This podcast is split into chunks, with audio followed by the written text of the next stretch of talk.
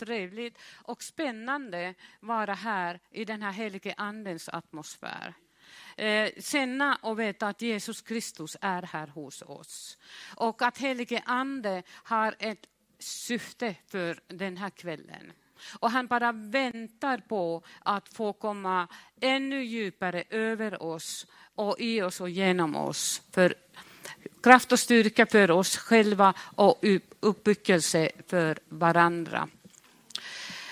Och jag kan bara tänka mig hur mycket eh, människor går miste om eh, när de inte vågar komma till församlingar och kyrkor när helige ande är verkande.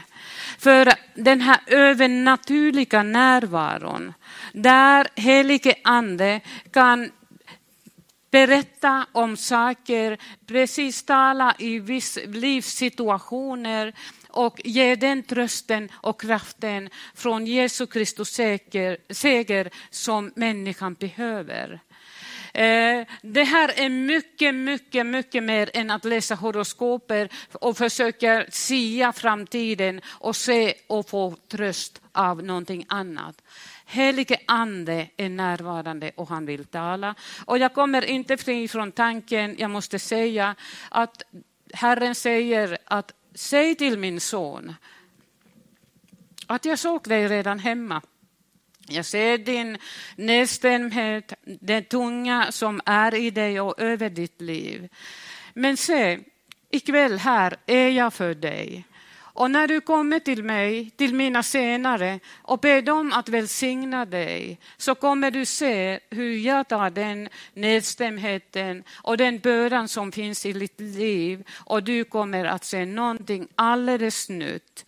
Du så kommer som en, en kona på vårbetet när du går härifrån för att så närvarande och äkta så mycket är min kraft som kan förändra i ditt liv. I Jesu namn. Vikten av nådegåvor den är livsviktigt för församlingen. Det här karismatiska nådegåvor som Gud som finns inte långt borta och lämnar oss åt vår eget öde. Han är högst närvarande bland sitt folk, hos dig och mig. I Matteus 25, 14 och 30, vi läser inte det, jag bara berättar, en liknelse om, en, om talenterna. Hur en, en, eh, senarna, en man skulle resa utomlands eh, och leda talenter till sina senare. Och eh, en fick fem, en annan tre och den tredje en talent som de skulle använda under den tiden när deras herre var bortrest innan han skulle komma tillbaka.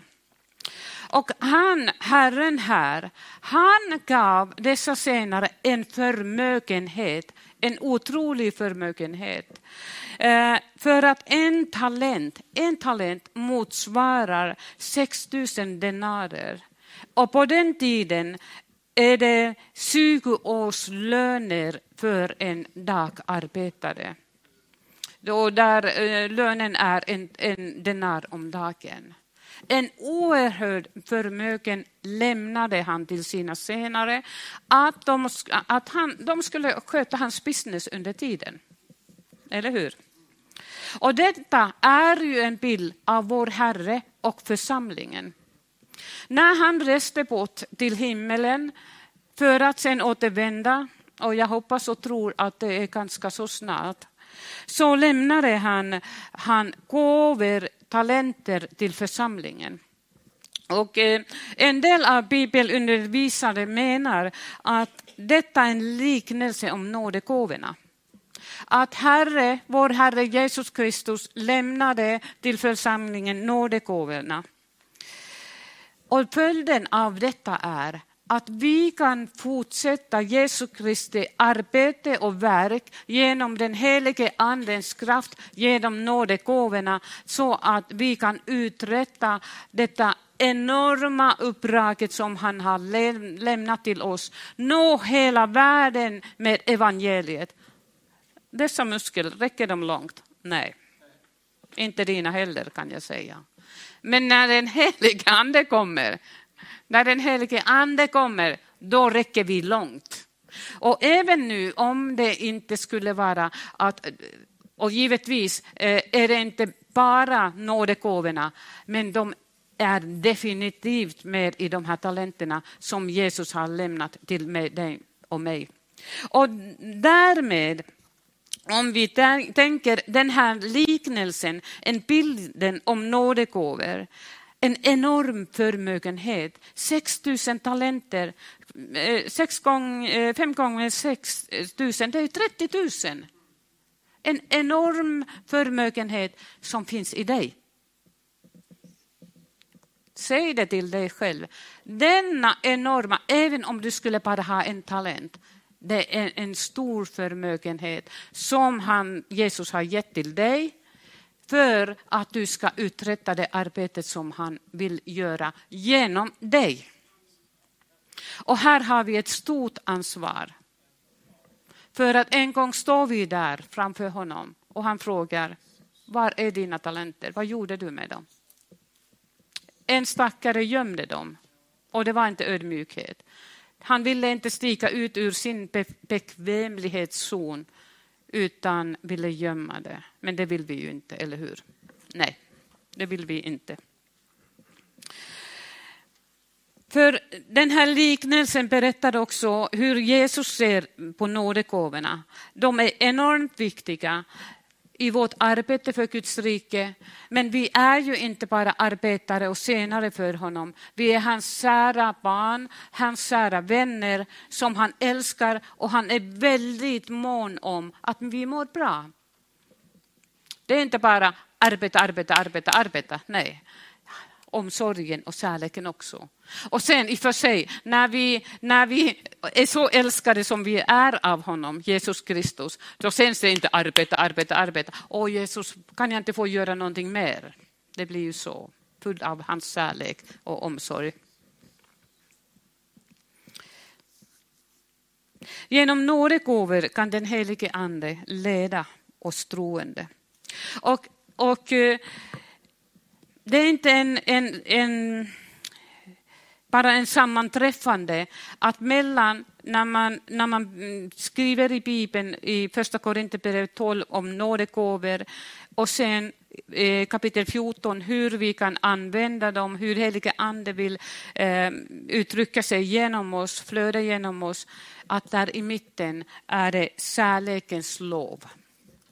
Vi vet Kärlekens väg. Om jag talar både människors och änglars språk men inte har kärlek är jag bara en ekande brons eller en skrällande symbol. Och om jag har profetisk gåva och vet alla hemligheter och har all kunskap och sen fortsätter jag, om jag inte har kärlek är jag ingenting. Grund och botten i allt det som vi gör eh, i våra liv är kärlek. Kärlek till Jesus och kärlek till medmänniskor. Och eh, i nådegåvorna, motivet är ju kärleken. Och det var så härligt att höra det här, vilken respons det har kommit. För jag hörde ju här om veckan, tror jag nu, liksom det ploppar. Här, aha, hon har profetians gåva när hon ber för människor här. Och här också, så att när vi har börjat tala om nådegåvor, helt plötsligt finns de ju överallt. Det här är ju helt underbart. Och jag tror att när vi har övat nu här två, två, tre, ons, två onsdagar och, och när vi fortsätter med det så det blir mer och mer i praktiken att vi får dessa gåvor att fungera. För att eh, det är ju inte kunskap här, den ska, mm, Bibelns ord, det ska landa i vårt hjärta och sen ska landa i våra händer och fötter också. Det är liksom härligt så. Okej, tungotalet och utturningen. Eh, tungotalet och uttunningen eh, de är väldigt nära varandra. De går lite arm i krok, eh, armkrok på ett sätt. Eh, därmed har jag lite tankar om tungotalet först. Eh, tungotalet är ju inte något litet, litet, liten gåva i något hörn, utan den har, den har stor betydelse. Det är grunden för mycket. Det, och tungotalets speciella värde ligger i bönen. Har du tänkt på det? Dess värde ligger ju i bönen. Du, den som talar i tungor talar inte till människor utan Gud. Alltså, det är, det är tal till Gud. Men ofta gör vi det felet eller har glömt och tänker att när vi talar i tungor, eh, tungotalet, att det är bara enkelriktat. Att vi, vi hör ju så många gånger att vi uppbygger själva när vi talar i tungor. Ja, det gör vi. Och det är jättebra att tala tungor så mycket det går.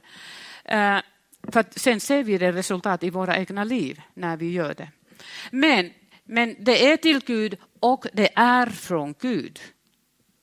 För att det är en profetisk ande och gåva i tungotalet och i uttydandet. Så till Gud och från Gud genom tungotalet. Och lovprisningen i tal eller i sången genom tungotal. När vi eh, prisar och tackar Gud genom att tala i tungor, när våra egna ord räcker inte, när vi älskar Gud så mycket, när vi upplever så mycket av det härliga av honom, av Jesus Kristus, att varken finskan eller svenskan räcker, då är det så automatiskt går det över till tungotal och man bara känner värme, kärlek, glädje och en massa andra känslor.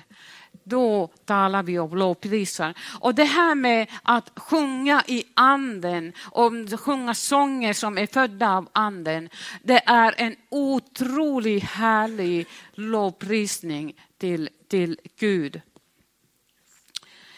Och den som kan sin bibel vet ju att lova Gud, förhärliga honom och prisa honom är en viktig andlig livsfunktion. Livsinsikt skulle jag vilja tillägga.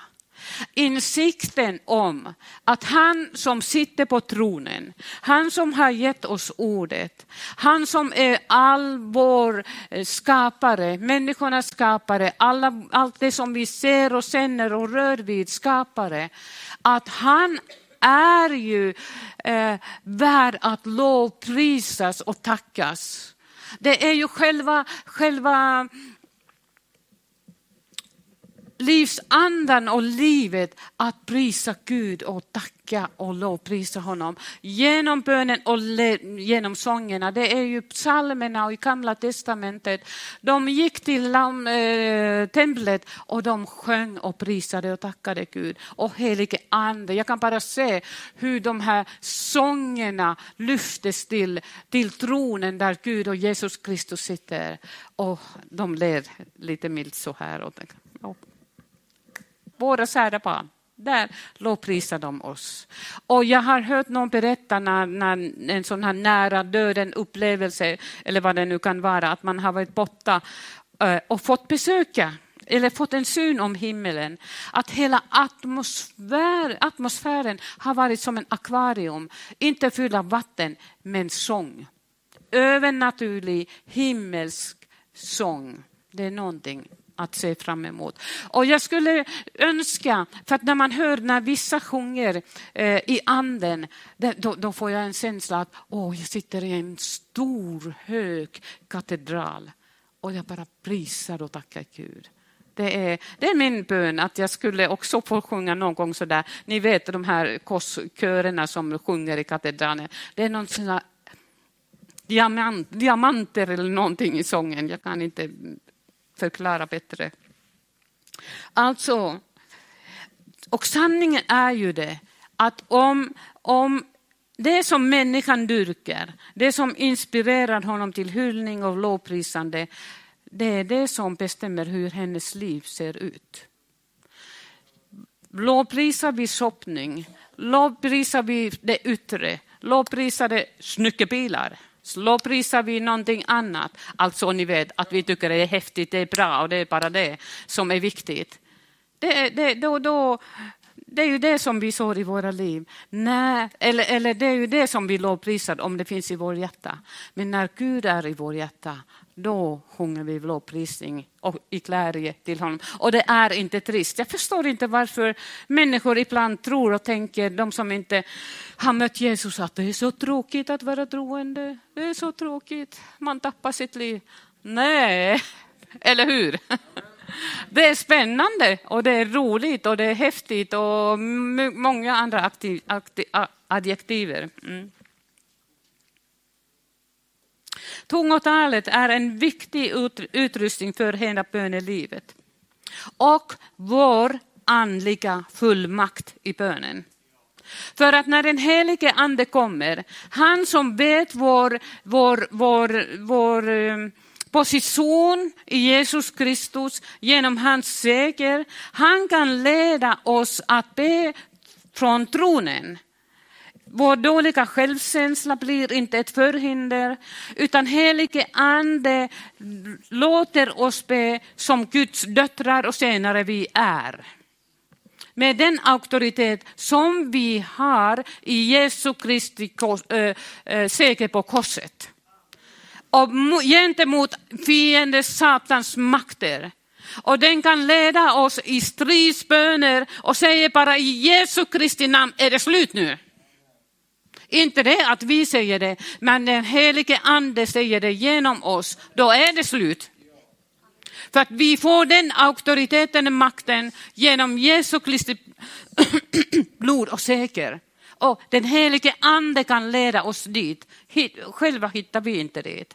Därmed är helige ande, tungotalet, en viktig grund i böneliv. Vi ber från rätt position som Gud har sagt. Vi påminner, Gud har sagt, tack att det är vårt. Första Korinthierbrevet 14 och 14 och 15, den kan vi ta. Jaha, det är bara det, men jag kan läsa det.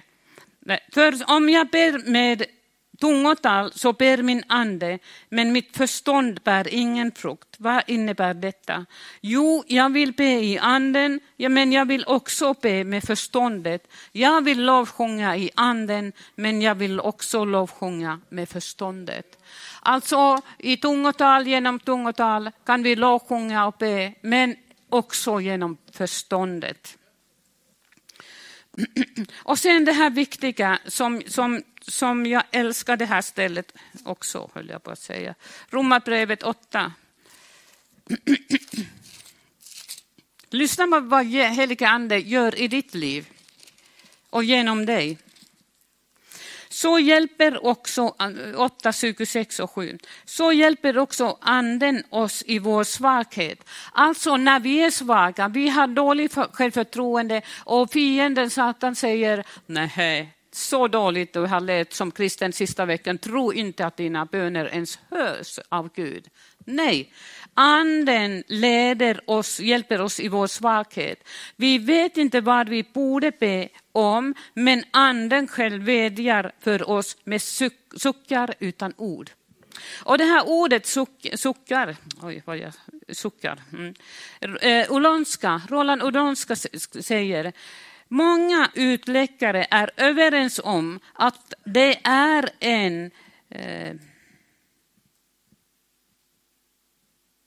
Aha, det är en hänvisning till bön i, i nya tungor, mm, i anden. Alltså de här suckarna, att det är när vi ber i anden, tungotalet. Otroligt, eller hur? Och han som utforskar hjärtan vet vad anden menar eftersom anden vädjar för de heliga så som Gud vill.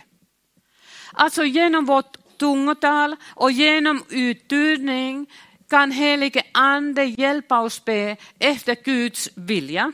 Okej? Okay? Och vad betyder det då? Vad betyder det att han gör det? Det är lika med bönesvar. När du och jag ber efter Guds vilja, det är ju lika med bönesvar, eller hur? När vi har ett problem, Herre, jag vet inte det här, jag vet inte hur jag ska be och jag ber och försöker och sen kommer anden bara och börjar tala, börjar tala och tungotal och jag börjar be. Jag vet, jag ber för det här, jag ber för det här. Och då vet jag att jag får en, den lösningen på det här problemet som är efter Guds vilja och då får jag Guds hjälp i det problemet. Visst är det underbart? Vi har en stor makt, stor resurs i det här. Ehm, och sen första Korinthierbrevet 12 och 10.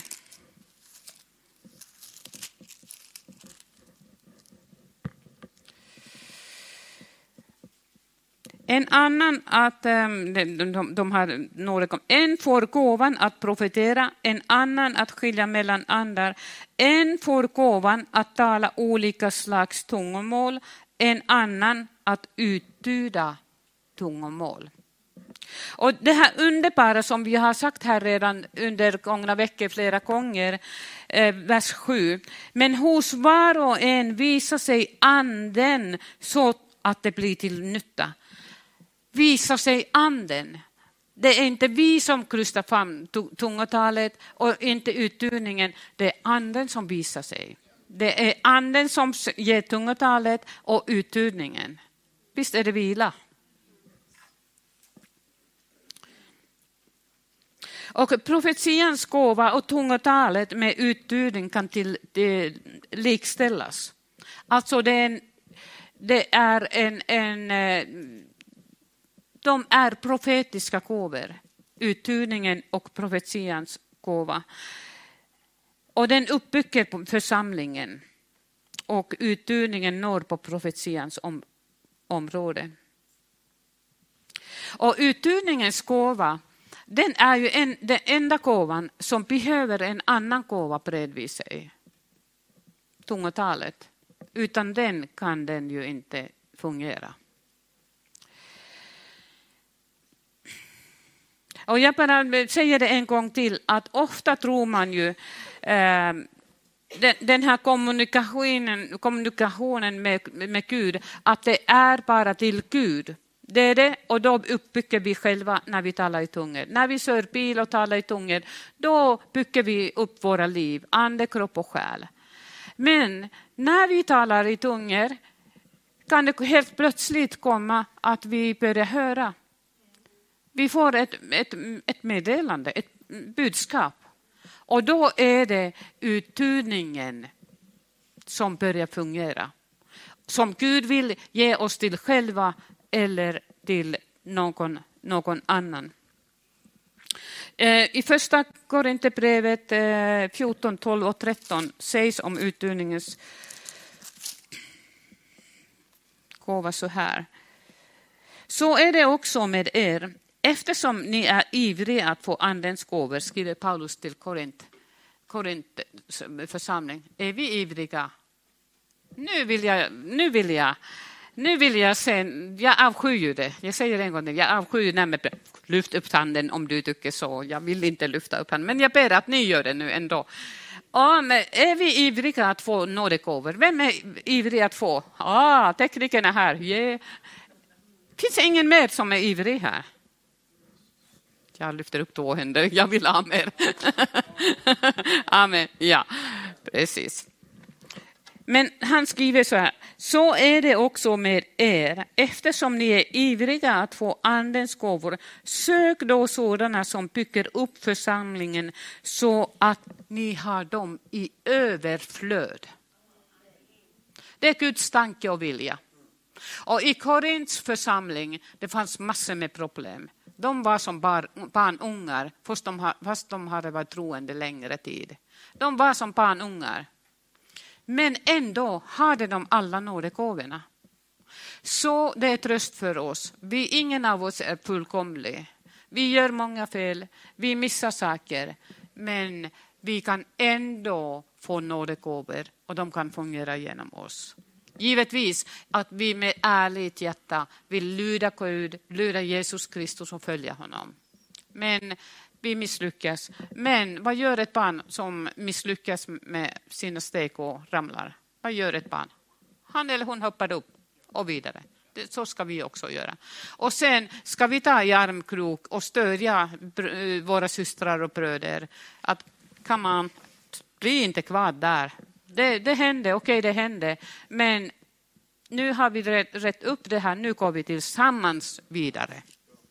Och när vi tillsammans hjälper och stödjer varandra kommer vi närmare varandra också.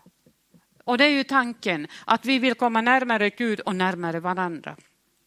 Och det bästa sättet att komma närmare i församlingen är att, att hjälpa till med olika saker, arbeta. Det, också, det har jag lärt mig och sett. Hur kommer uttunningen då? Eh, om vi tänker om vi tänker tungotal, eh, att vi talar ett språk, ett bönespråk och vi kommunicerar med Gud, det har ett flöde. Men sen när, Gud, när, när den helige ande vill använda tunguttydningen så märker vi helt plötsligt att det kommer en, en annan klang. Det kommer lite mer tyngd, det kommer lite mer eh, kraft i det. Och vi känner det här som är profetians gåva, det börjar eh, tick-tack, tick-tack lite i hjärtat och det kommer tyngd och, eh, ja, och inspiration och vilja att tala ut de tankarna som börjar komma här inre. Ibland får man ju bara ett par ord, några ord. Eh, det här med profetians gåva också som Kalle berättade, det är inte så lätt att resa sig, gå fram eller stå upp. Och när man bara vet allt det här som att nu är det heliga ande vill att eh, säga någonting. Man har kanske två, tre, fyra ord och då ska man gå på vattnet, våga stiga fram och utlåta sig själv för helige ande och lita på att det kommer mer än fyra ord. Men när man vågar, då kommer det flödet och det är samma sätt med utnurningen också. När man börjar säga de här orden så börjar det komma. Det kan vara så att du ber för någon. Eller att du, du, du ja precis. Det kan ju komma så att du talar i tungor, du stoppar och sen kommer utturningen. Du fortsätter att tala i tungor, stoppar och sen kommer uttunningen. Och det fortsätter så länge helige ande tills han är färdig med det budskapet som han har velat ge. Det kan vara till dig själv. När, när, när du är ensam, talar i tungor och sen helt plötsligt märker du den här klangen, nu är det profetisk, du hör det och sen får du tankar. Du låter det komma på svenska eller på ditt språk och sen fortsätter och får utturingen och fortsätter. Eller att det är någon som reser sig i församlingen och man hör direkt att det är inte vanligt uppbyggelse, tungotal, utan det är profetiskt. Nu talar någon eh, eh profetiskt tungotal och då, om det finns någon som kan uttyda, kan den resa sig efter det och eh, uttyda, förklara vad som sades i tungotalet. Och det behöver, om, om tungotalet, det profetiska tungotalet, om det var så här långt, uttydningen behöver inte vara lika långt. Det kan vara så här kort. Så att det är inte tolkning, utan det är uttydning. Man säger budskapet. Och sen, men sen som, som vi hörde för en vecka sedan, Allan berättade också, att det, kan ju, det, det händer ju ibland så att någon, när någon börjar tala eh, i tungor, eh, till exempel i Afrika någonstans, missionärer, någon helt plötsligt talar ting, eh, ting Nej, svenska. någon talar, talar klingande svenska. Eller någon, någon, är någonstans och helt plötsligt talar tröst, ryska när det finns en rysk person som behöver tröstens ord. Så Gud är mångfaldig Det, det, finns så mycket kreativitet, det finns så mycket färger och olika sätt hur han vill och kan. Så begränsa dig inte till något att det måste vara så här. Nej, Gud är kreativiteten och kärnan till all kreativ, kreativitet. I förbön, I förbön och, eh, är det tung, eh, tungotalet och uttunningen är en viktig, viktig del. Tillbedjan, tacksägelsen i tungor. Det finns mycket, mycket här. Och vad är till slut nu syftet med uttunningen? Det är ju det att Jesus vill uppbygga, trösta och hjälpa sin församling. Jesus vill varna om någon är på fel väg, om synden har börjat komma i ens liv, att man håller på att gå på fel väg, då kan den här gåvan också, utdelningen, profetisk vana och, och vädja att vända om. Och hur kan man, hur kan man bli, bli duktigare eller låta att gåvan bli bättre och starkare? Det är att vara i Guds närhet, läsa ordet och be, tala i tungor. Det, det förstärker nådegåvan. Och vi behöver att öva. Och viktigt, var inte rädd att misslyckas eller för misslyckanden. Alla misslyckas på något sätt. Men man kan ta lärdom om det och sen gå vidare starkare efter det. Amen. Eh,